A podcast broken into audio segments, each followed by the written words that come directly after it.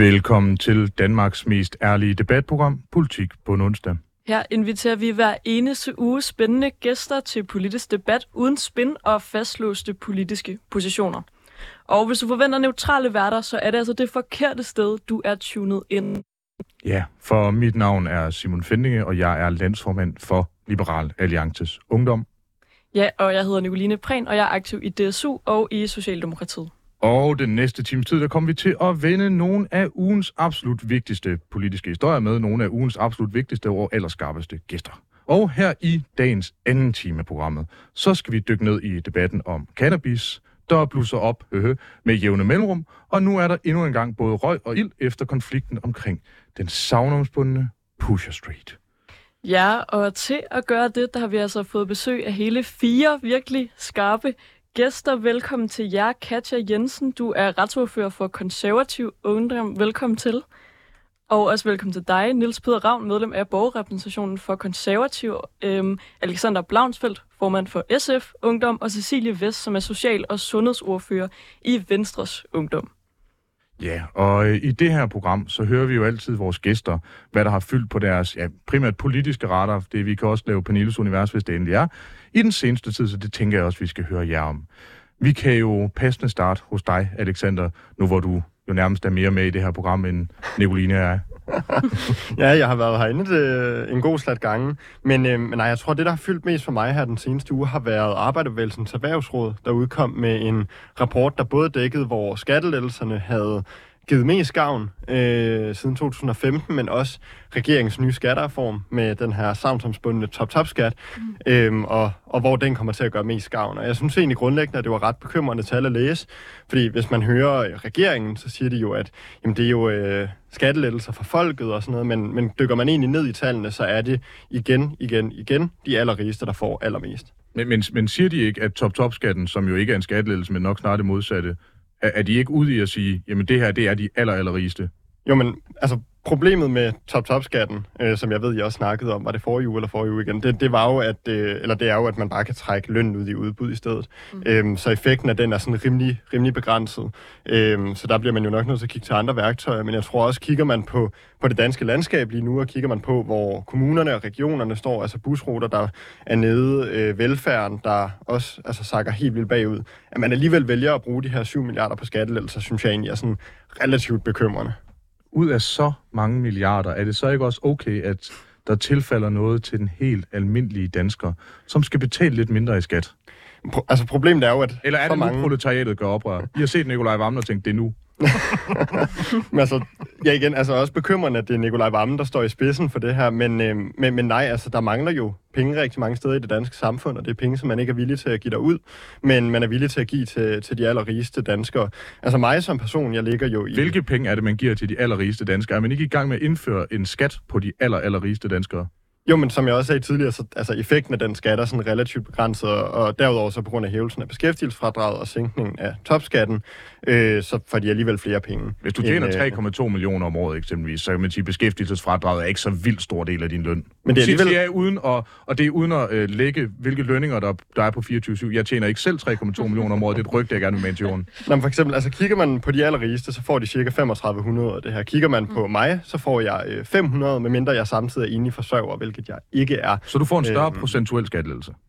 Ja, altså den, hvis man kigger på kontanterne, så får jeg en større, men kigger man på for eksempel indkomst, altså indkomstgrupperne omkring de altså 60 procent eller 40 procent rigeste, jamen så får de øh, endnu mere, øh, særligt på grund af beskæftigelsesfradraget. Så for mig at se, så er det her bare et sted, hvor pengene kunne bruges markant bedre. Mm. Selv når man kigger på, Sevilla lavede jo en undersøgelse tilbage for et stykke tid siden, hvor altså, de reelt set spurgte danskerne, vil hellere have bedre velfærd eller flere skattelettelser. Mm. Øh, og der valgte de velfærd. Så det her er jo også altså, ret beset imod, hvad, hvad folket vil have. Men øh, Alexander, hvis man virkelig synes, det er spændende, så kan man, som du også lige var inde på, jo gå ind og høre et af vores tidligere programmer for, fra et par uger siden, hvor vi netop dykker ned i det her med regeringens øh, skattelettelser og top-top-skatten. Jeg tænker, at vi også... Må, må jeg lynhurtigt stille et opfølgende spørgsmål? Mm.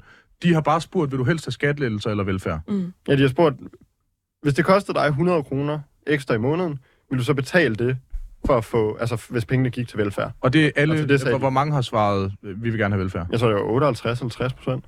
Okay, så der er 42 procent, der har svaret noget andet. Bare, bare, jeg skal bare lige forstå, om det her det var sådan en generel konsensus, eller om det er sådan mere 50-50. Hvis jeg nu stillede spørgsmål, vil du helst have skattelettelser, eller vil du helst skambide sig leoparder, når du vågner om morgenen? Jeg ved ikke helt, om jeg synes, det kan sammenlignes. Ej, men lige præcis den her undersøgelse dykkede vi faktisk også ned i i programmet om skattelettelserne. Så det kan man jo gå ind og lytte til, hvis man synes, det er spændende. Jeg kunne også godt tænke mig at høre dig, øh, Cecilie Vest fra VU. Hvad øh, har du lagt mærke til politisk på det seneste?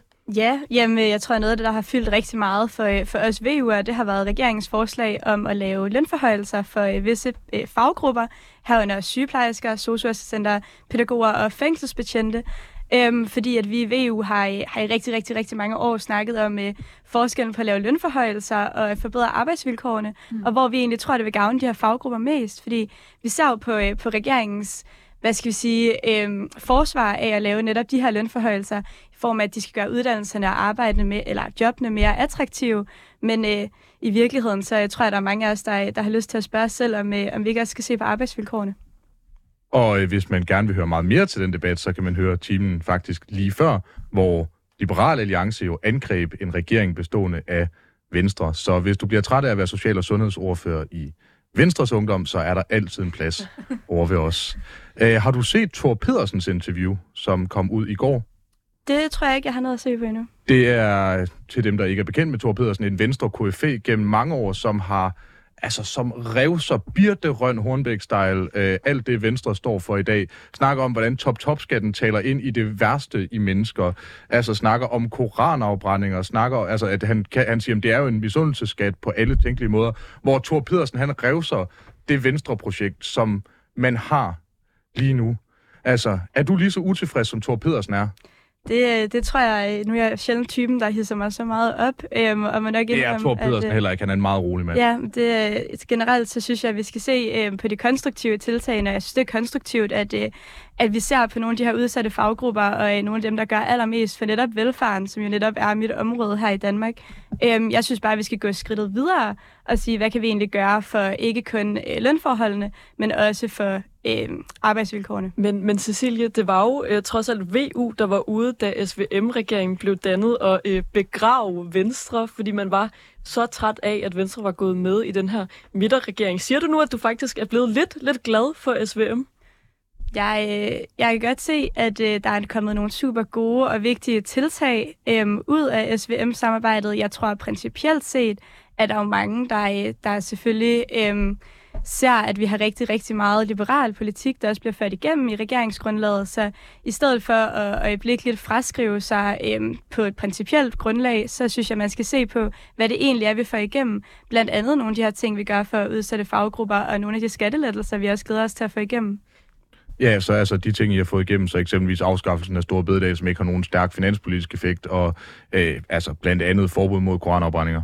Jeg tror, jeg, jeg tror, at VU har markeret sig øh, på forbud mod koranafbrændinger. Jeg, jeg har også selv været ude øhm, og, øh, og snakke ytringsfrihed. Mm. Nå, men, men det, var, det var øh, bare lige de ting, I havde gennemført. Øh, altså ikke Venstres Ungdom, men Venstre. Jeg tænkte, at øh, altså, fedt nok med skattelettelser, men, men jeg er også helt tosset med ytringsfrihed. Og så kan man sige, det er, jo, det er jo lidt nemt at være sådan pick and choose. Det er jo en pakkeløsning, ikke?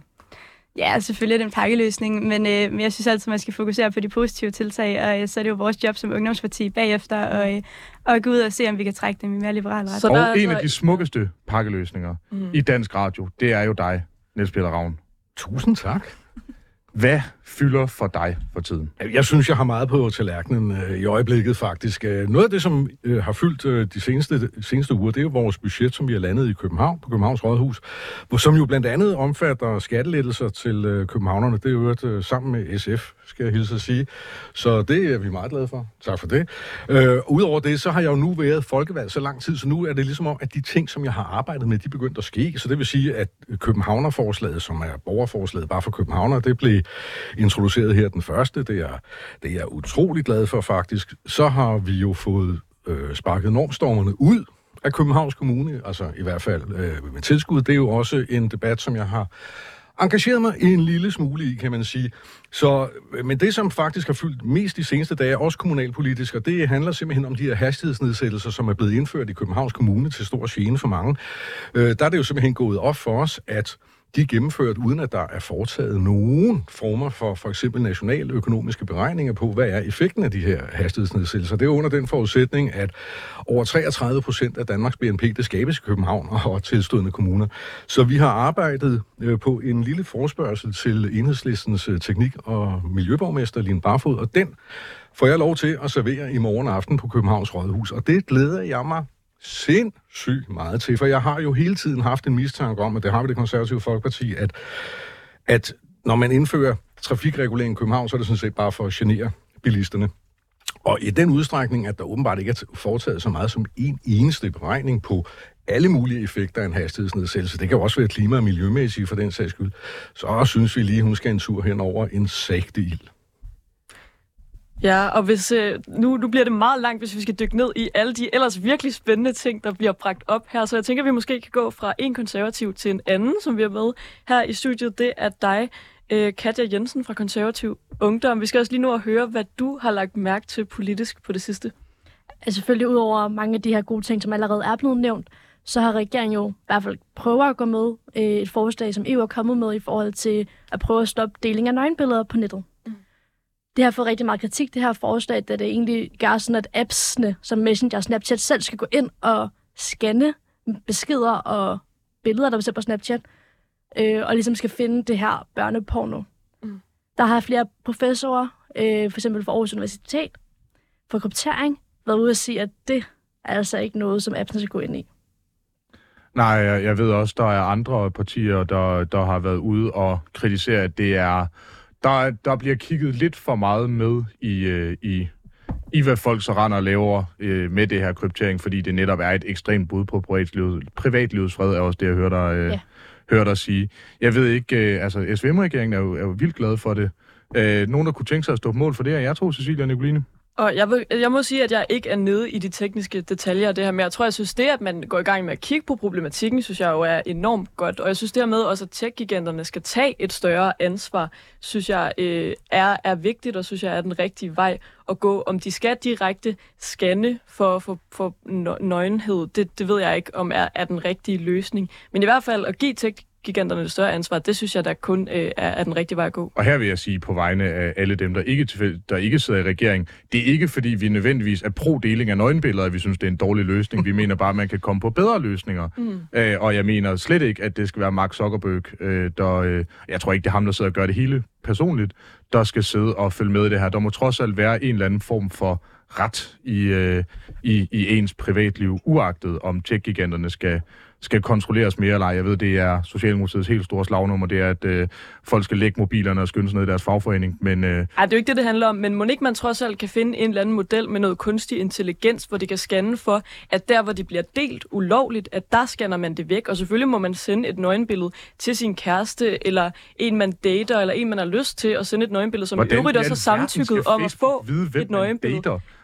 Ja, men jeg tænker, man må, der må være noget i deling af det. Det er jo det, der er ulovligt på nuværende tidspunkt. Så hvis det jeg billede, tror, findes at det før, findes der teknologi til på en eller anden måde at kunne, kunne sortere. Det, øh, I den her rumrejsen over 2001-agtige samtale, hvor vi står og gætter på, hvilken teknologi der findes og ikke findes, så tænker jeg, at det er det helt optimale tidspunkt mm. at hoppe videre til det, vi rent faktisk skal snakke om.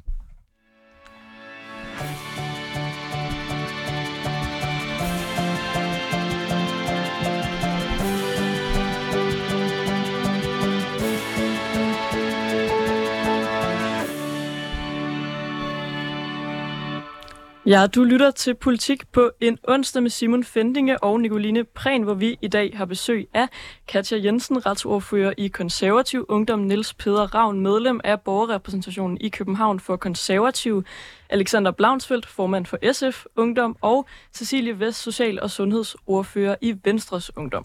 Ja, for tre uger siden måtte en 30-årig lade livet efter et bandrelateret skyderi på Christiania.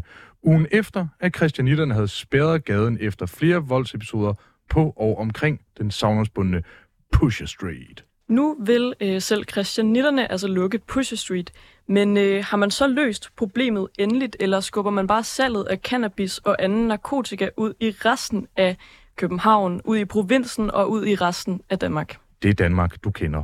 Eller skal man, som flere partier foreslår, og i øvrigt har foreslået længe, legalisere cannabis? Hvad siger du, Niels Peter Ravn, som du står der helt konservativ i dit jakkesæt? Skal vi legalisere cannabis? Nej, naturligvis skal vi ikke det.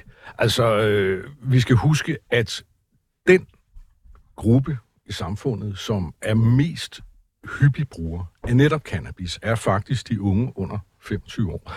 Der viser undersøgelser, at, øh, at helt op imod 9 procent af dem af dem, eller har røget øh, cannabis inden for, de, øh, inden for den seneste måned. Det er altså den, den gruppe, som anvender det hyppigst.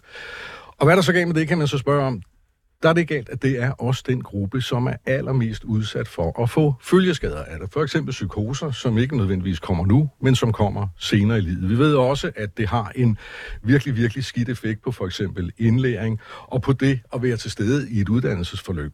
Så derfor så skal vi naturligvis ikke legalisere cannabis. Det vil være det dummest, og det vil virkelig være en bjørnetjeneste, som vi gjorde specielt ungdommen. Alexander, du formår faktisk at markere allerede før Niels Beder har snakket. Du, øh, du har åbenlyst en holdning. Ja, det har jeg. Øhm, I forhold til sådan, altså, de sundhedsmæssige virkninger, så er cannabis et af de sikre ting, øh, du kan tage. Det er sikrere end alkohol, sikrere end cigaretter. Øh, det er mere afhængighedsskabende end de to ting, men kigger man på ting, du kan indtage, så er alkohol nok muligvis det mest skadelige, øh, når man kigger på undersøgelserne. Men derfor vil jeg ikke forbyde det. Det mest skadelige? Ja, ud, ud af sådan de, de almindelige stoffer, ah, okay. så er det, altså, det er klart, hvis du sniffer lightergas, så tror jeg måske, der er større konsekvenser end. Men i hvert fald blandt altså sådan, de stoffer, man ser.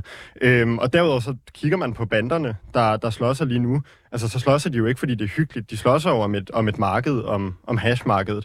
Øhm, og hvordan skal man så stoppe dem fra at slås om det? Det kunne jo blandt andet ved, altså være ved at overtage det marked fra statslig hånd. Og Men på den måde får man også reelt set kontrol Alexander, med det dem, der ryger spørge, det. spørge ind til, fordi er du ikke nervøs for, at at banderne så bare handler med noget andet. Altså, der er også øh, et, et relativt øh, voksende forbrug af eksempelvis øh, coke. Øh, altså, kan, kan det ikke være, at banderne bare finder nogle nye stoffer at handle med? Jo, men altså, banderne handler jo allerede med alle de andre stoffer også, øh, og det, det kunne man jo så kigge på længere henne. Men altså, som ikke, altså, der skal jo også være en efterspørgsel, før at, at de er og udbuddet. Øh, ja, jeg Simon nikker. Men, men det skal der jo være, og altså, man kan jo bare se, altså nu har vi prøvet at bekæmpe hash på gaden øh, gennem politiet de seneste 50-100 år, så længe det nu har eksisteret som stof. Øh, og efterspørgselen er rigtig, rigtig høj, som du også nævner. Øh, det vi reelt set kan ændre på, det er udbuddet. Og vi kan ikke ændre på udbuddet ved at blive ved med at slå på banderne, fordi de er der stadigvæk. Det har tydeligvis ikke virket de gange, hvor vi har forsøgt det. Nu kører vi på fjerde bandepakke, og øh, konflikten er stadigvæk øh, rimelig stor. Hvis man i stedet for øh, fratog den deres indtægtskilde, kunne det jo være, at det reelt set gjorde en forskel. Cecilie Vest fra Venstres Ungdom, du er markær. Ja, det her det er jo netop et af de steder, hvor øh, mig og Alexander faktisk godt kan blive enige. Og, øh, og det er det netop fordi, at øh, til at starte med, så øh, bliver alle de her negative sundhedseffekter nævnt. Mange af de her negative sundhedseffekter, de følger også af, at netop banderne har monopol på salget. Fordi så længe det bliver solgt af banderne, så har vi ingen overblik over, hvor rent et stof de egentlig indtager. Og rigtig mange af de negative sundhedseffekter, de kommer af, at folk indtager ikke hash, men hash blandet med alt muligt gøjl. Og øh, derudover, så øh, har Alexander også fat i det her med, at alkohol faktisk er mere skadeligt. Vi har ikke forbudt alkohol i Danmark. De negative eksternaliteter ved indtag af alkohol for borgerne omkring dig, for de nære, er også værre end med hash. Men Cecilie, er udfordringen ikke, når det kommer til alkohol, at det er sjældent, du får en alkoholpsykose? Øh, altså, det kan godt være, at der måske hyppigere er konsekvenser, men at de alvorligste konsekvenser af cannabis er væsentligt mere alvorlige end de alvorligste effekter eksempelvis alkohol. Jo, men hvis du snakker med mange forskere på området, så handler det jo også om, hvad det er for en hash, man indtager under hvilke forhold og i hvilke kvantiteter. Fordi hvis vi, som Alexander foreslår, lader det overgå til statslig hånd, eller endda øh, på lang sigt ud, udlicitere opgaven til nogle private aktører. Det er så... udlicitere.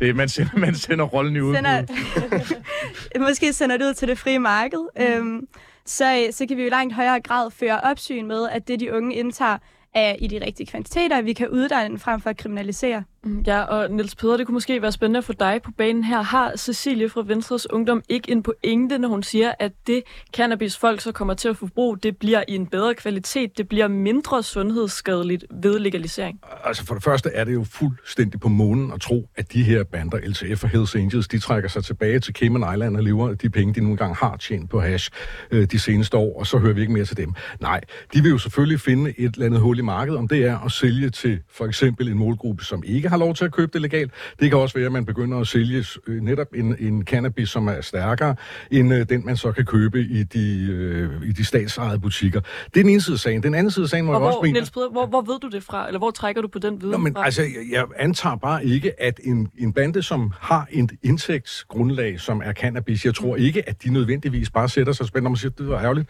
Nu tog øh, staten vores, øh, vores marked, så, ja, så går vi hjem. Men det er bare lige for at det på det rene, så er det en antagelse. det er selvfølgelig er det en antagelse, men det tror jeg også, det omvendte er, kan jeg så lige have lov at sige. Og så er der noget andet, som er meget vigtigt her, det er kulturen. Og her kan man jo sige, at vi i Danmark har en alkoholkultur, som jo går meget langt tilbage.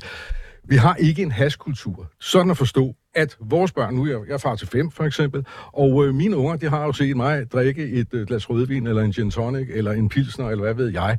Og, øh, og det sker jo under nogenlunde ordentlige forhold, vil jeg sige. Ikke? Også er det jo ikke sådan, at jeg i hvert fald sidder og drikker mig fuld derhjemme, når jeg, når jeg spiser middag med ungerne lørdag aften. Og derfor så har vi en alkoholkultur. Det vil sige, at børnene kan spejle sig i deres forældre. Vi har ikke, så vidt jeg ved, i hvert fald ikke i det miljø, jeg er færdig i, en haskultur, altså hvor, øh, hvor øh, forældrene sidder og ryger tjal inde i stuen, mens ungerne de sidder og ser Disney-show, eller fredags øh, Sam, eller hvad det hedder nu til dags. Og det er i virkeligheden den aller, aller vigtigste pointe. Det er, at der ikke er en kultur om det, og det vil sige, at de unge mennesker, og som sagt, dem, der er de hårdeste brugere af det her, det er altså folk under 25 år, de har simpelthen ikke en billet med hjemmefra, som gør, at de kan administrere det her på den rigtige måde. Men de er til gengæld vant til at se far og mor få sig en drink inden middagen, eller et glas rødvin til middagen. Og derfor så ved de, hvordan man administrerer alkohol. Og det er simpelthen den helt grundlæggende ting i den her diskussion. Alexander Blomsfeldt fra SF Ungdom, har Niels Peder Ravn ikke en pointe, når han siger, at der i Danmark er mere kultur for alkohol, og det er noget, man, man kan gøre på en mere sådan styret, ordentlig måde, drikke et glas rødvin, end man kan sidde og, og ryge en joint? Jamen altså, øh, kigger man på det, det udbud, der har været af hash indtil videre, så har, altså, jeg tænker ikke markant, at det skulle ændre sig, fordi at staten øh, begynder på det. Jeg tror i hvert fald ikke, min mor begynder at ryge hash, bare fordi at det blev lovligt lige pludselig. Det er i hvert fald svært ved at Det er, ikke forestille det, mig. det er ikke det, hun Men, har sagt øh, til mig, vil jeg så sige. Men, Okay, din mor jokes altså. Nej, men... Øhm, men altså, den, den adgang, der var til hash før, var jo altså, simpelthen så simpelthen, at du kunne gå ned på Pusher Street, og så kunne du købe, hvad du havde lyst til. Øhm, altså, jeg havde jo nærmest åbningstider, der var der, altså døgnåben, og det synes jeg måske heller ikke, staten skal have, men det kan vi dykke ned i på et andet tidspunkt. Så simpelthen ikke, at vi skaber en eller anden kultur, hvor børn sidder og ryger joints med deres forældre og sådan noget, bare fordi, at det er lovligt. Altså, vi har jo heller ikke en, en kultur for at ryge indenfor, fordi der har man ændret juridisk. Alexander, altså, jeg tror, du fordi- misforstår mig. Jeg tror, du misforstår mig. Det, jeg mener, det er, at, vi, at børnene har ikke en kultur for det med hjemmefra. De har en kultur for, at man kan nyde alkohol under en eller anden, en eller anden, et eller andet forhold.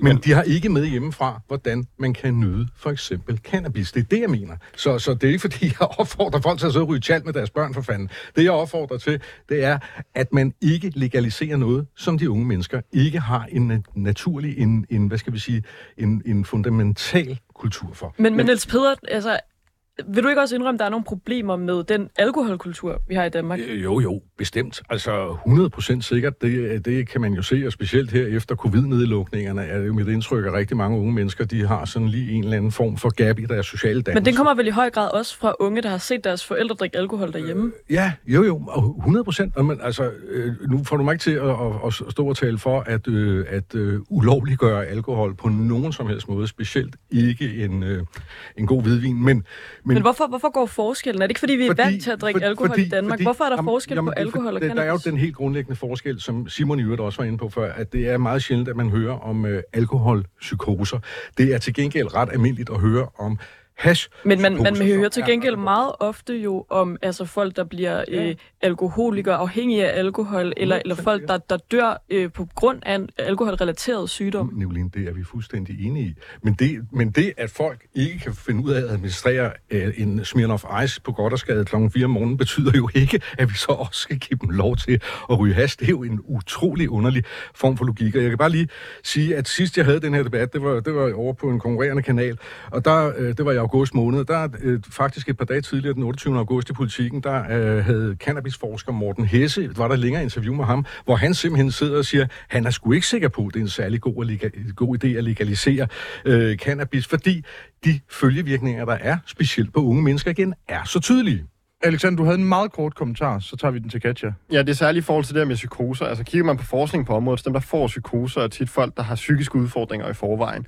Og der kunne man jo så også kigge på, hvis det var staten, der solgte det, jamen hvilke, altså, hvilke ting har man ellers i livet, som kunne være en faktor. Folk, der i så fald godt kan lide at ryge hash, de kommer så ikke til at gå til psykolog eller psykiater, i frygten for, at de så dermed kommer til at blive blacklistet fra, fra et stof. Kunne være en øh, potentiel...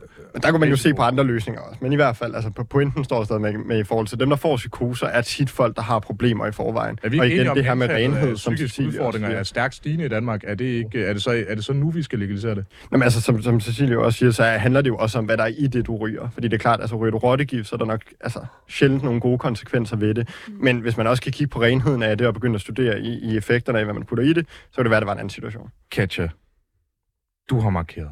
Ja, jeg synes også, at vi skal have fokus på de unge mennesker, som har det rigtig, rigtig svært i den her debat. Det er dem, som det typisk omhandler lige pt, synes jeg i hvert fald. Jeg synes, vi skal have fokus på at ikke at skubbe de her børn og unge mennesker længere ud i samfundet. Jeg synes, vi skal holde dem. Jeg synes, vi skal hjælpe dem. Jeg synes bestemt ikke, at vi skal give dem et middel eller hash, bare sådan ad døren, eller de går op og henter på apoteket eller noget andet sted, hvor det er, at det ligger frit tilgængeligt. Jeg synes, det er dybt, dybt, dybt forkert. Men, men, men er det ikke nogenlunde nemt, siger jeg som en, som naturligvis aldrig har været i nærheden af, af, af nogen former for cannabis, men er det ikke ufattelig nemt at få adgang til cannabis allerede? Altså de fleste steder i den jyske provins, hvor jeg selv er vokset op, jeg har en ven, der har røget hash øh, en gang. øhm, og, øh, og, og jeg ved, at det tager nogenlunde, øh, altså det tager kortere tid at få en til at le- levere hash, end det tager at få en til at levere en pizza, når du er i den jyske provins. Så det er vel ikke fordi, at det er fuldstændig umuligt at få fat i det. Nej, nej, overhovedet ikke. Jeg tænker bare, hvis nu for eksempel er apotekerne, der begynder at sælge det, eller en eller anden anden forretning, statsejet virksomhed eller et eller andet, så er det bare endnu nemmere at få fat i. Så du skal du ikke igennem alt det der med at køre igennem din Snapchat, Men bare lige- og så videre. Kan jeg at forstå dit argument ordentligt? Er det så det, at det er nemmere at få fat i? For jeg tror, jeg er ret enig øh, med Simon i min oplevelse også. Det er endda ikke kun i den jyske provins. Det er Nicolines venners at det er oplevelse, vil jeg gerne lige have. øhm, ja, øh, ja men, øh, men jeg tænker bare, Jeg er synes det det, bare, at det det er bliver nemmere? opfordring. Er det, er, det- eller, er Jeg det synes, men, det er en direkte opfordring eller til at det, ryge du mere hash. ja, for det er det, jeg vil ind på. Ja. Det, er, det er fordi, du tænker, det er en Det er opfordring. en direkte så opfordring bliver det okay. mennesker. Og opfordrer bliver du det også det, at, de har, altså, at apoteket sælger briller, eller panodil, eller insulin? Er det også en opfordring til, at folk skal have sukkersyge ondt i hovedet, eller for den sags skyld dårlig syge? Nej, det er jo ting, der bliver øh, udskrevet af lægen. Ah, br- briller, briller gør Nej, ikke. briller, men Gør altså... panodiler jo heller ikke. Nej. Men, men man kan De også store købe pakker. cigaretter og alkohol. Det er vel ikke fordi, ikke at, på at det er apotek. en, er det ikke på min apotek. men Katja, ser du det er det som en opfordring fra staten til, at man skal ryge, at man kan købe cigaretter i Igen, supermarked? igen, det er en del af kulturen lige nu. Cecilie, er det rigtigt? Er det en del af kulturen? Altså nu starter, jeg vil gerne starte et andet sted, Katja. Nu starter du med at sige, at unge mennesker har det svært, og vi skal ikke øh, give dem det endnu sværere ved lige pludselig at legalisere hash, fordi så i din forestilling, så kommer alle unge lige pludselig til at ryge hash. Det er bare fundamentalt forkert. Vi så en, øh, en prøveordning i Portugal, den vil jeg ikke gå for meget ind i, men efter man legaliserede øh, cannabis, hvilket betød, at alle de her unge mennesker, som netop har det svært, som allerede er ude i et misbrug, de i stedet for at blive øh, behandlet som kriminelle, blive sendt i fængsel, komme tilbage i hårde miljøer og ende i det samme misbrug igen, så bliver de behandlet som ofre ofre for en misbrug, som faktisk kan gå ind og få den behandling, de har brug for. Fordi det er en utopisk forestilling, at unge ikke allerede har et misbrug med hash, og at unge ikke allerede ryger hash. Det er jo ikke alle, der har et misbrug, der er også nogen, der bare ryger det rekreationelt. Og Katja, du får lige hurtigt lov at svare. Man kan jo bare tage fat i et andet land, for eksempel i Colorado i 2017, som også prøvede at legalisere hash, hvor der var, man så, at førstegangsbrugerne af unge mennesker steg med 55 procent. Øh, det er, der vil jeg i øvrigt bare lige for statistikken anføre, at det er antallet af rapporterede, selvrapporterede førstegangsbrugere. Nogle af de her statistikker kan godt være lidt svære at arbejde med, fordi hvis noget er forbudt, så er folk usandsynligt lidt øh, tilbøjelige til at rapportere, at de har forbrudt sig mod loven. I USA, bare som en indskudt pointe, har de jo faktisk også, man skal rapportere på sin årsopgørelse penge tjent på illegale aktiviteter. Øh, det er en konto, hvor der ofte bliver indbetalt cirka 0 kroner. Niels Peder, du markerer. Jamen, jeg- For det første vil jeg bare sige til dig, Katja, der er håb for Danmark. Det er godt at høre. Det er den ene side af sagen. Den anden side af sagen, det, det, der vil jeg så lige pege på jer to værter, for I har stået lige præcis og gjort det, som jeg synes er noget af det mest forarvelige, og det må jeg sgu meget undskylde mig. Nej, det Men I har lige, I har lige stået og, og, og, og joket lidt med, at det er nemt at få fat på, og haha, og vi har os selv. Og prøv at høre, det er jo lige præcis det, som er det, et af de helt store problemer. Det er, at vi alle sammen går rundt og har en fornemmelse af, at det er sådan lidt semi lovligt rent faktisk at nyde cannabis. cannabis. Og det bliver jeg bare nødt til at sige, som jeg vist også skrev i Berlingske for nogle uger siden, det er det ikke. Det er faktisk ulovligt. Det er også ulovligt at besidde hash. Og der, har man, der er vi altså bare på vej ned af en rute, hvor, hvor vi alle sammen går rundt og tror, at det faktisk er lovligt. Jeg har talt med folk fra min vælgerforening, som tror, at det er ulovligt at sidde og ryge, øh, ryge hash. Det er det simpelthen ikke. Jeg havde en, en fantastisk oplevelse i sidste forår, hvor øh, Laura Rosenving fra Socialdemokratiet og Louise Tejlade Thomsen fra, fra Venstre stillede sig op på Rådhuspladsen og lod sig fotografere af, øh, af Berlingske Tidene med det, som rent faktisk lignede en joint. Jeg ved ikke, om det var en joint, men det skulle i hvert fald illudere en joint. Og jeg synes simpelthen, det er skandaløst, at folkevalgte og nu også radioværter rent faktisk går rundt og sådan illuderer, at det skulle okay at ryge en lille joint en gang imellem. For det er jo præcis det, som det ikke er. Og det er præcis det, som Katja taler om, når hun siger, at flere og flere unge ryger ud i det her misbrug. Det er faktisk kriminelt. Og det vil jeg gerne svare på, udover at det jo er altså, fuldstændig åbenlyst, at i Medie Danmark, så er der ikke nogen, der kunne røre øh, narkotika hårdere end øh, Blå Kings. Så øh, altså fuldstændig åbenlyst, det ved vi jo fra, fra, fra alle, alle undersøgelser, der nogen har lavet af, af miljøet. Så vil jeg da også sige, altså, det her for mig handler ikke om at sige, at noget er lovligt eller ulovligt. Det er jo bare en altså, uomtvistelig sandhed. For mig handler det om noget andet. Mm. Nemlig at sige, hvad er det for en verden, vi reelt lever i, som ung menneske vokset op i den jyske provins, som har prøvet at altså, ryge cannabis, og også prøvet at ryge cannabis flere gange. Jeg ved godt, at det er ulovligt, men jeg synes, så kan man så mene, om, om man skal joke om det eller lade være. Men man bliver også nødt til at forholde sig til, synes jeg, hvad er det for en verden, vi lever i? Er det muligt under det her forbud at få adgang til de her ting, fordi mm. det er jo også, vi bliver også nødt til at forholde os til, om et forbud eventuelt virker. Det er i hvert fald min personlige holdning, og om det så er, er, er forarveligt, det, da, da vil jeg sige, jeg, det, jeg, jeg, jeg, jeg, tror, jeg, nu bliver det måske også lidt polemisk, men, mm. men det, er bare for, det er bare eksemplet på det her, altså som I, I demonstrerer, og mm. som Louise Tejlade. Jo, men jeg tror, at pointen er vel netop at sige, at den lovgivning, der er nu, fungerer alligevel ikke. Det bliver ikke overholdt, for det er nemt at få fat i. Der er rigtig mange, også unge, der starter med at, at forbruge øh, cannabis. Så det, det handler vel om at sige, at den lovgivning, der er nu, bliver ikke overholdt. Lidt ligesom, at, øh, at lovgivningen om for eksempel at købe alkohol, når man er 16, heller ikke bliver overholdt. Der er også rigtig mange eksempler på, at unge under 16 kan købe øl, kan købe vodka i supermarkedet. Det er vel ret relevant at tale om, om de love, vi har valgt at have, om de reelt fungerer. Fordi hvis de ikke bliver overholdt, så kan man jo godt stille spørgsmålstegn ved, om det giver mening at have de love. Nå, men det er jo også derfor, jeg personligt argumenterede for, i øvrigt øh, før Peter Hummelgaard gjorde, at man så rent faktisk skærpede straffen for det her. Altså, det er jo, bare, det er jo vigtigt, at når det nu er ulovligt, at det er kriminelt at gøre det, at folk, altså, og specielt de unge mennesker, har en fornemmelse af, at det faktisk er ulovligt. Og at de ikke har den fornemmelse, som mange åbenbart har. Hvor, hvor høj skal den straf være? Nå, men altså, jeg synes, at lige i øjeblikket, med, hvor vi har den her øh, dobbelt op på, på bøden for, øh, hvad hedder det, i... Skal vi, prøve, skal vi have fængselsstraf? Øh, nå, men jeg mener at man skal tale om, øh, man kunne måske tale om gentagelsesforbrydelser. Og det er jo også derfor, jeg synes, det er så vigtigt, at vi får sprængt Pusher Street til atomer, fordi jeg er helt sikker på, jeg ved godt, at man kan bestille alle mulige buder, hvad ved jeg, men jeg er helt sikker på, at mange af dem, som kommer ud måske og er lige er begyndt at bruge det her, de ved, hvor de kan få det. De kan nemlig gå hen i en bod på Pusher Street, og så kan de købe det.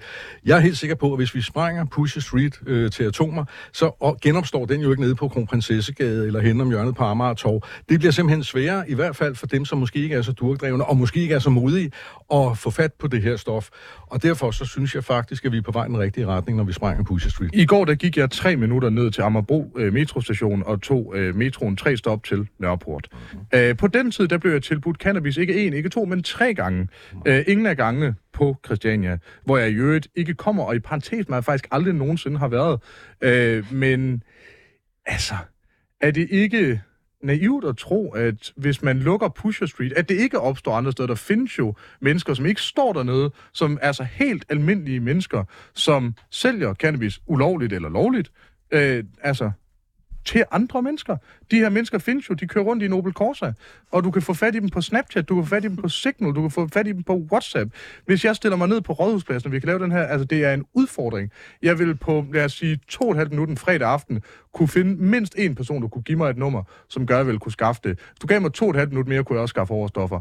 Altså er hele problemet ikke, at uanset om du lukker Pusher Street Light, så længe der er en efterspørgsel, så er der også et, et udbud. Og det er vel sådan, almindelige markeder fungerer, særligt for os borgerlige, må vi vil anerkende den frie markedslogik, eller hvad, Niels Nå, men altså, jeg siger, fordi en, en, en lov eller et forbud, det eroderer så, så er det jo ikke argumentet, at, det, at så kan man lige så godt lade være med at have det. Altså det her handler jo ikke alene om at gøre nogle, øh, øh, at, få, få has på nogle bandemedlemmer og den slags. Det her, det handler for mig først og fremmest om at sørge for, at færre mennesker kommer ud i et misbrug. Og jeg tror vidderligt ikke på en legalisering og det kan vi jo også se fra Colorado, at en legalisering, øh, det er rent faktisk øh, for færre ud i et misbrug. Hvis vi skal have færre ud i et misbrug, så skal vi sørge for, at alle er helt klar over, at det, som de gør, når de ryger en joint, det er, at de gør noget som er kriminelt. Cecilie Vest, er du sikker på, at, øh, at legalisering det vil få færre ud i et misbrug?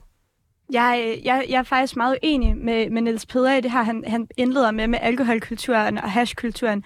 Fordi ja, der er mange, der vokser op med en gang imellem til en familiefest, at så sidder deres forældre måske og får et glas vin. Men der, hvor problemet er ved hashkulturen, det er ved den overkriminalisering, som du gerne vil lave. Du vil gerne kriminalisere, kriminalisere, kriminalisere. Og det leder kun til, at det bliver værre at være ung, der ender i de her svære situationer. Det bliver værre at være en ung, der er et misbrug, fordi i en legaliseringsordning, der kan vi lige pludselig gøre bod med alle de her unge, som står i svære situationer, fordi ligesom med alkohol, så kan de unge have en samtale med for eksempel deres nærværende, for eksempel deres forældre. De kan efterspørge hjælp, i stedet for at de lige pludselig øh, ender med, ja, hvis vi lige pludselig skal ind og, og lave gentagelsesforbrydelsesstraffer på det, så ender vi jo lige pludselig med at skulle sende unge i fængsel, hvis du får din vilje. Er det virkelig det, du gerne vil gøre ved unge, der har det svært?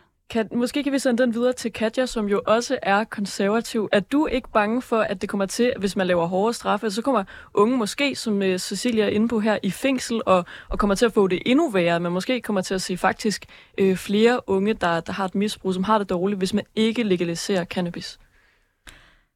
Jeg synes, jeg vil lige tage den et par steps tilbage og lige prøve at forklare, for eksempel, okay, vi siger, der er Nils, der er øh, 14 år derhjemme. Hans forældre er et misbrug med cannabis cannabis er lovligt, så går han ned, okay, måske ikke 14 ved, men 16 år, hvor det for kan være lovligt eller 18.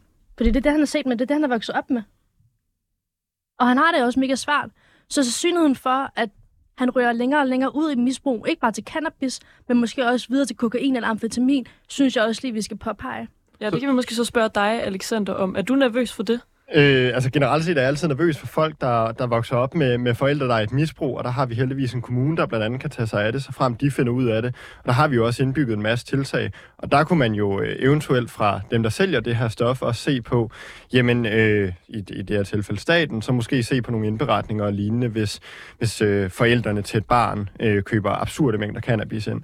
Øh, så det kunne være en hvad måde blandt andet... Hvad er en absurd mængde cannabis? Eller jeg vil hellere spørge dig, hvad er en normal mængde cannabis? Jamen altså, mange andre i det her lokale er det aldrig noget, jeg har haft noget med at gøre, men øh, ej, det, det ved jeg ikke, men det vil man jo så kunne øh, fra politisk side fastsætte. Og så derudover tror jeg også, endnu en pointe i forhold til det her med, øh, du nævnte meget tidligere, det her med sådan markedsandel og sådan, om rockerne skal jo nok finde måde at tjene penge på.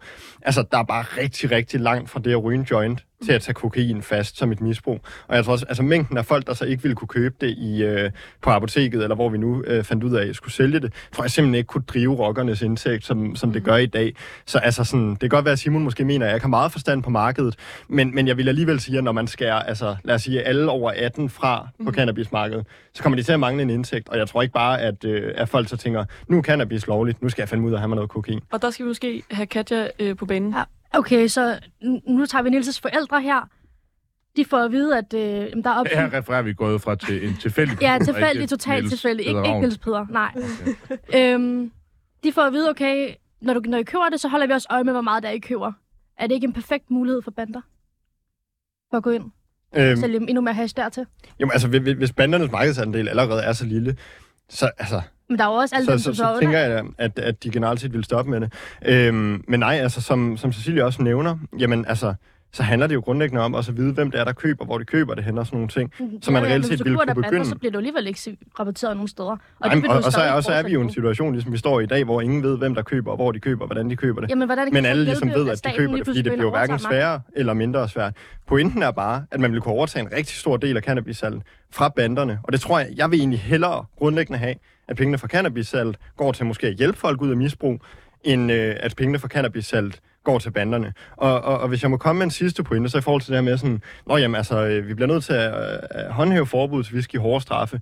Jeg tror, altså kigger man på undersøgelser, en ting, der i hvert fald ikke hjælper misbrugere ud af et misbrug, det er at sætte dem i fængsel i længere tid. Øh, Cecilia, du har vel have ordet i lang tid. Du får lige en kort bemærkning, og så får Nils Peder lov ja, også bare. Alexander, han rundede faktisk af med, med min uh, hovedpointe her fordi at det hjælper ikke misbrugere, at vi sender dem i fængsel. Men en anden ting, nu spørger du, hvad kan det egentlig hjælpe, at, øh, at staten de får salget frem for, at banderne har det? For, for det første, så fjerner vi profitten fra banderne. Det tror jeg er en ting, vi alle sammen kan blive enige om er en god idé. Men derudover, så den her kriminaliseringskultur, den leder altså til en meget voldsom social marginalisering af folk, der har det hårdt. Skylder vi ikke folk, der har det hårdt, bedre end lige pludselig at udskyde dem fra samfundet ved at hæve straffene, hæve straffene, hæve straffene, som konservative åbenbart gerne vil? Og jeg, jeg, har, jeg har simpelthen lige et hurtigt spørgsmål, fordi nu, øh, nu har vi haft, øh, altså den er, I, I snakker om, at det er noget, man skal gøre for banderne, for trygheden, for de svageste osv. Jeg er lidt nysgerrig på, øh, Alexander og, øh, og Cecilie, der er ingen af jer, der sådan har nævnt et argument med sådan retten til at gøre ved sin egen krop, som man vil, og altså sådan almindelig kropslig autonomi. Er det, fordi det ikke betyder noget for jer? Eller er det simpelthen, fordi som, som jeg forstår det, så, så kan man jo sådan set bare argumentere for en legalisering af de fleste ting, hvor forbuddet ikke virker. Altså, er der ikke et etisk, moralsk aspekt i det her? Jo, altså det er der, der uden tvivl. Æ, som et uh, liberalt parti, så, uh, så mener vi jo også, at uh, retten til egen krop, retten til selvbestemmelse, alle de, her, alle de her private frihedsrettigheder, de også forudsætter retten til at tage valg, der nogle gange er usunde, der nogle gange måske ikke er, er uh, sidde hjemme og spise salat. Mm, og Men, hvor, skal, hvor skal den grænse så gå? Skal den gå efter cannabis, eller er der flere stoffer, der skal legaliseres? Altså, nu, nu snakker vi legalisering af cannabis. En afkriminalisering af narkotika generelt er ikke noget, at øh, jeg tror, at noget liberalt parti vil udelukke fuldstændigt. Hvorfor ikke? Øhm, okay, det er da godt at høre. Men, men til at starte med, øh, ja, en afkriminalisering. Ja, ja. ja. Øh, til at starte med, så, så tror jeg, at det liberale grundlag forudsætter, at så længe der ikke er nogen negative eksternaliteter ved det, konkret, som påvirker øh, din nærværende, hvor vi for eksempel ser, at hash har mindre negativ påvirkning på øh, din familie, dine nærværende venner osv., end for eksempel alkohol har. Så jo, der er der klart frihedsargument i det. Niels Peder, øh, en ting er det her med sådan kropslig autonomi, ja. men altså, er der ikke en grundlæggende pointe i det her? Det, det virker ikke, og, men, men hvis vi siger, at det virker, vi skal bare skærpe straffen. Du snakker om, at det handler om at beskytte vores kære unge mennesker, de smukke unge mennesker. Altså, hvad vil du så gøre ved alle de mange alkohol- og tobaksrelaterede dødsfald? Jamen, prøv lige, lad os, vi, vi bliver nødt til at skrue tilbage i det. For det, lige et øjeblik. Altså, jeg taler jo ikke om, at det nødvendigvis er misbrugere, der skal straffes over. Det jeg jo rent faktisk taler om, det er at sørge for at gøre det klart og tydeligt for alle, at det her er ulovligt, så færre kommer ud af det misbrug. Så jeg taler jo om begyndere. Så du, du, vil, du vil straffe om forbrugere, fordi det er farligt? Jamen, altså, altså, jeg har simpelthen, øh, jeg har jo decideret skrevet Berlingske Tid, når man kunne måske ovenikøbet tale om, at førstegangsstraffen simpelthen var hårdere, så det efterfølgende blev, blev mildere straffe. I øvrigt er det jo så også lidt sådan i dag, ifølge øh, politivedtægten i København, hvis man, bliver, hvis man som hård misbrug bliver antruffet med stoffer, så slipper man gerne med en advarsel. Der er lige noget der. Så der er altså noget andet, jeg lige bliver nødt til at sige til Alexander. Mener du alvorligt... Nej, det, at, det, det, det, det kan du gøre senere, for nu holder jeg lige fast. Okay, ja, øh, at jeg prøver lige igen. Ja. Altså, du, vi er enige om, du vil gerne beholde et forbud, og du vil i øvrigt også gerne skærpe straffen ja. for forbruget, ja. fordi det er farligt at ryge hash. Ja. Godt. Hvad vil du gøre ved altså, det store forbrug af alkohol og tobak, som ja. slår unge mennesker ihjel? Simon, Eller er det noget andet? Nej, Simon, jeg tror lige, jeg har været inde på det lidt tidligere her. Altså, øh, vi kan, Sorry, må, det kan godt være, det er mig, der... Prøv, vi bliver nødt til at anerkende, at cannabis er en forholdsvis, er forholdsvis ny øh, beskaffenhed i Danmark. Der er cirka 20 gange så mange, der dør af alkoholrelateret dødsfald. Hør, hvad jeg siger. Cannabis er noget, der er kommet til Danmark inden for de seneste 50-60 år. Det kom jo sådan for alvor, kan man sige, faktisk med etableringen af Christiania, eller det tidligere Bådsmandstredets kaserne. Det var der, hvor vi begyndte at ryge hash i Danmark. Det var samtidig med Christiania. Og før det er der jo blevet røget smøger og cigarer og cerutter og cigarillas så hvad ved jeg. Der okay, er også blevet men, drukket brændevin. Øh, men Niels Peder, nu bruger du sådan det historisk-kulturelle ja, argument. Hvad så, hvis, men, hvis det fortsætter som nu, hvor rigtig mange ryger cannabis? Hvis om, om 100, om 200 år, lad os sige, at så er der lige så mange, som, som der er nu, der ryger cannabis, så kan man sige, at det har været i Danmark lang tid. Så kan man godt legalisere det, eller hvad? Øh, nej, det, det synes jeg jo lige præcis ikke, man skal. Og det er det, det er jo fortrinsvis, fordi vi har unge mennesker, som jo reagerer anderledes rent psykisk på cannabis, end de gør på for eksempel et spiritusindtag eller på tobaksindtag for den sags skyld. Mm. Øh, og jeg er da helt enig i, at uh, specielt tobak har der nogle uheldige, jeg ryger selv uh, sådan uh, hyggeryger, skal jeg lige sige, men, men tobak er, er, er sgu da ikke særlig godt.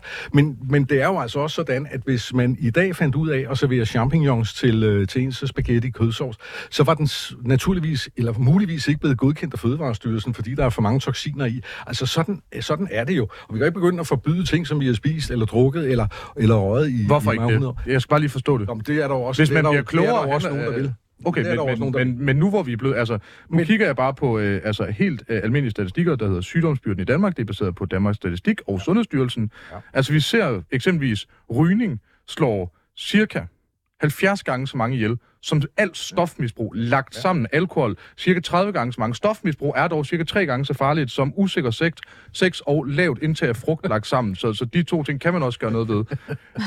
men, men har vi så ikke et ansvar for os at sætte ind over for rygning og alkohol, Jamen, eller er det kun også. cannabis? Altså, der, er jo, der er jo løbende en indsats over for rygning. Alene i min, øh, i min levetid er der jo sket øh, fuldstændig fantastiske ting omkring, altså på netop det område. Og, og, og, og jeg vil sige, at bevidstheden om, at rygning er usundt, er jo et helt andet sted i dag, end det var for for eksempel 20 år siden. Og ikke mindst er der jo sket det, at det er blevet forholdsvis svært for unge mennesker at købe cigaretter. Det er også efterhånden blevet en lille, lille, lille, lille bitte smule dyrt. Øh, ja, det kan du sige, også blevet lidt dyrt, kan man sige. Så jeg synes, der sker noget. Jeg synes jo, at det konservative Folkeparti er, er ret skarpe på, på lige præcis den agenda. Når det er sagt, så er vi tilbage til kulturen omkring de her ting. Og der, lige for at tage røgtobak, så er det jo sådan, som, vi, som det også blev nævnt før, at i dag så ryger man ikke indendørs, så derfor så er det da helt sikkert, at, at øh, det her med rygning, det, det, har, det er aftagende. Øh, I en eller anden udstrækning i hvert fald. Og i hvert fald er der en ny kultur om det, at man skal stå og fryse ude på gaden i regnvejr for at få lov til at ryge en smøg. Alexander, øh, har Niels Peder en pointe i, i sit øh, kulturelle argument, at, at det giver mening at legalisere mere usunde ting, men at det er fair nok, at vi ligesom har nogle ting, som har været øh, legalt i lang tid? Men Altså, det, det, det ved jeg bare ikke helt, om jeg synes, når man kigger på, hvor let det er at, at få fat i hash. Så jeg tror, altså, der er der i visse grupper, det kan godt være, at det måske ikke er grupper, som vi omgår os i særlig meget, men der er der visse grupper, hvor der er en kulturel ting omkring cannabis.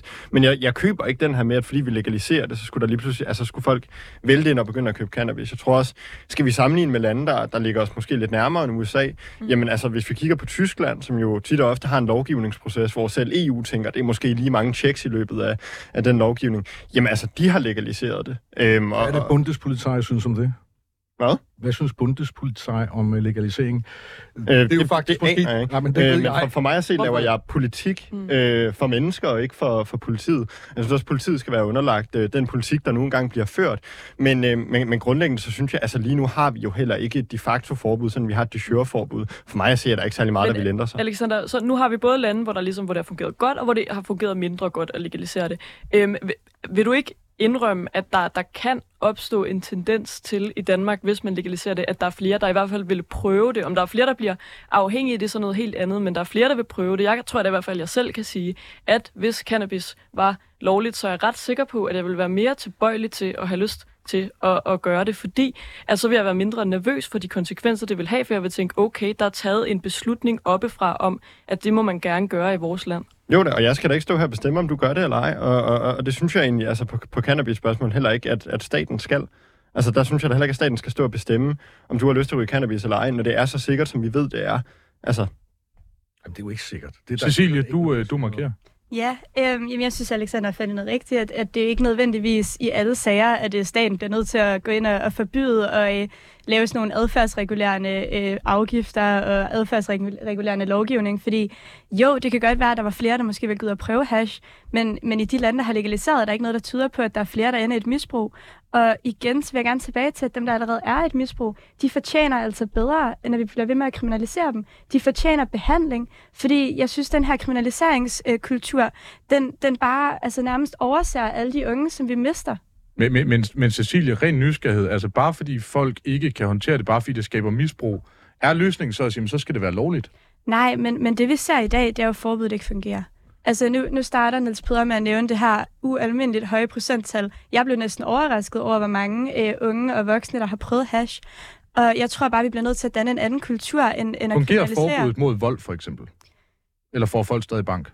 Altså, Nå, men det, det er et seriøst spørgsmål. Men- Det kommer også en men, der er men der er jo en grundlæggende forskel på legalisering af hash og så vold. Fordi vold, det er jo Jamen, det er derfor, af en fysisk... spørger Ja, ja, men det er jo påførelse af, af fysisk skade på andre mennesker, hvor, hvor hash, det er jo det, netop den friheds, altså årsag, jeg, jeg går ind i debatten med, det er det her med, at der er ikke noget, der tyder på, at det nødvendigvis, at du prøver hash, skader et andet menneske. Vold, det skader et andet menneske direkte. Selvfølgelig skal vold Jamen, nu, vold nu snakker vi om effekten af forbuddet. Det, at der stadig er folk, der får bank i byen hver evig eneste uge, fungerer forbuddet mod vold? Altså, ikke i alle tilfælde, Ikke men, alle men det tilfælde. betyder ikke, at vi Okay. ikke skal have Det- forbuddet. Okay, det betyder ikke, vi ikke skal have forbud. Så argumentet må, kan, kan vel trods alt ikke være, at der er nogen, der forbryder sig mod det her forbud. Fordi ud fra det argument, så vil straffeloven blive ekstremt kort. Ja, Der ja. vil altid være folk, der forbryder sig mod loven, men er det argumentet for at fjerne det? Nej, men argumentet for at fjerne det i det her tilfælde, det er jo, det er jo at vi skal sætte individet før systemet. Vi skal sætte fokus på, på alle de her unge, som allerede er i et hashmisbrug, og måske har det hårdt. Vi skal sætte fokus på individets frihedsrettigheder, og vi skal sætte fokus på, at det altså ikke hjælper den unge at sidde i brummen, øh, frem for at, at få psykiatrisk behandling, eller øh, afhjælpning, eller hvad end ved, graden af behandling i deres misbrug er nødvendig. Katja, du markerer. Jeg synes da heller ikke, at vi skal sætte unge mennesker i fængsel på den måde. Ja, det tror jeg ikke, nogen af os har nævnt. konservative ven? Det er ikke nogen af os, der har nævnt, vi har sagt, at vi skal skærpe straffen. Men jeg synes også, vi skal tænke på, at Ind, indtil hvad? Indtil hvilket punkt? Bare sådan i rundetal. det kan jeg jo ikke stå og svare på her. Nå, men er det, er det en bøde på 3.000 kroner? Er det en bøde på 10.000 kroner? Er det en betinget dom? Er det en ubetinget dom? Skal folk ind og spille den, hvis de bliver, konsekvent bliver fanget med cannabis? Man kan godt snakke om gentagelsesvirkning, ja. Men jeg vil bare gerne lige komme ind på ungdomskriminalitetsnævnet. Fordi det her med at sætte individet før systemet, det er det, der er vigtigt. Derfor vil jeg rigtig gerne, altså først så skal ungdomskriminalitet selvfølgelig lige revurderes og alt det her, men så kan de unge mennesker komme for det her og rent faktisk få hjælp, og rent faktisk få den psykiske udredning, som det også vil kræve. Altså, så, så ja, hvis jeg forstår dig ret, hvis- det kræver en psykisk udredning, altså de folk, der ryger cannabis, er de nødvendigvis altså psykisk ustabile? Nej, det er jo bare... altså, Nej, selvfølgelig er de ikke det.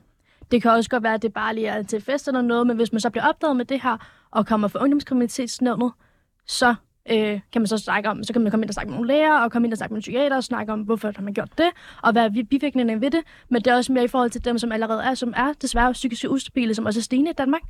Bare, bare, bare, jeg skal bare lige forstå, hvor, hvor vi cirka er henne. Når jeg har siddet i Morslet, når jeg har siddet med mine kammerater, fire, fem mand rundt om bålplads nede ved, øh, nede ved skolen, og øh, vi har købt en joint, det har taget et kvarter for den leveret, vi kendte lige tilfældigvis en. Øh, jeg, jeg rørte den ikke selv, alle mine venner gjorde. Vi, øh, vi sad og, øh, og puffede på, på en joint, hørte noget musik og havde en, øh, havde en hyggelig aften. Politiet kom forbi, fanger os. Hvor, hvor, altså, hvad, hvad skulle vores straf være? For ungdomskriminalitetsnævnet. Bare, bare kom for ungdomskriminalitetsnævnet. Ja. Så du, Altså- har, du har ikke nogen holdning til straffen? Nej, nej, jo, altså... Det er jo mere, det, altså, du bliver jo dømt til at komme til ungdomskriminalitetsnævnet. Det og det er mere det her med at få en Hvad oplysning synes omkring du, det. straffen skal være, hvis jeg blev fanget med en joint 16 år gammel i Morslet rundt om bålpladsen ved skolen? Hvad skal min straf være? Hvad skal min venners straf være? Et, så skal du få ungdomskriminalitetsnævnet, og så kan man godt snakke om, der skal være en bøde, bøde eller noget andet ved det sådan af. Eller Du synes, det er bøde. Men på nuværende tidspunkt har man jo allerede, man har lige indført det her dobbeltstraf på Christiania, så hvis man bliver taget der, anden gang man bliver taget øh, med hash på Christiania nu, så fører det til fængsel, ikke? Er det, er det noget som det, du tænker, at det skal bare være der hele tiden? Ja, det synes jeg kunne være en rigtig god løsning. Okay, så, så anden gang min kammerat og jeg, vi øh, røg, røg has omkring bålpladsen, så, så er det altså i fængsel, så er det, så er det ind til Ja, Aarhus sammen, ja, og I skal snakke med de kontaktpersoner, som så har været involveret ved ungdomskriminalitetsnævnet. Ja. Okay, fair. Jamen, øh, Alexander, det lyder som om, der bliver pisse travlt i fængslerne. Ja, det må man nok sige. Jeg tror, domstolen i hvert fald får travlt med at ansætte nogle flere. Og ungdomskriminalitetsnævnet, hvad Ja. jeg forstår. Ja, ja, ja, ja. Øhm, nej, altså jeg tror, hvis der er en ting, som virkelig kan sende nogen i en kriminel løbebane, så er det at komme i fængsel som 16-årig, fordi så kan man komme ind og, ind og snakke med alle øh, de kære rockere og bandemedlemmer, der allerede sidder derinde, øh, og særligt i ungdomsfængsel. Det tror jeg egentlig ikke hjælper, det viser øh, forskningen også med, med rimelig tydelighed, at det at give hårde straffe for ting ikke hjælper på, på niveauet af kriminalitet.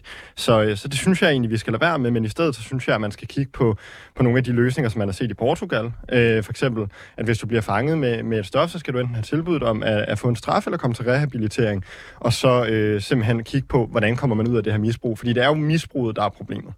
Og med de ord, så vil jeg gerne sige tak til Niels Bedravn, Alexander Blaunsfeldt, Cecilie Vest og Katja Jensen.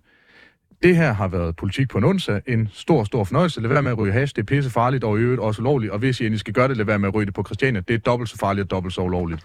Så tusind tak, fordi I lyttede med. Vi hedder Nicoline Prehn og Simon Fendinge.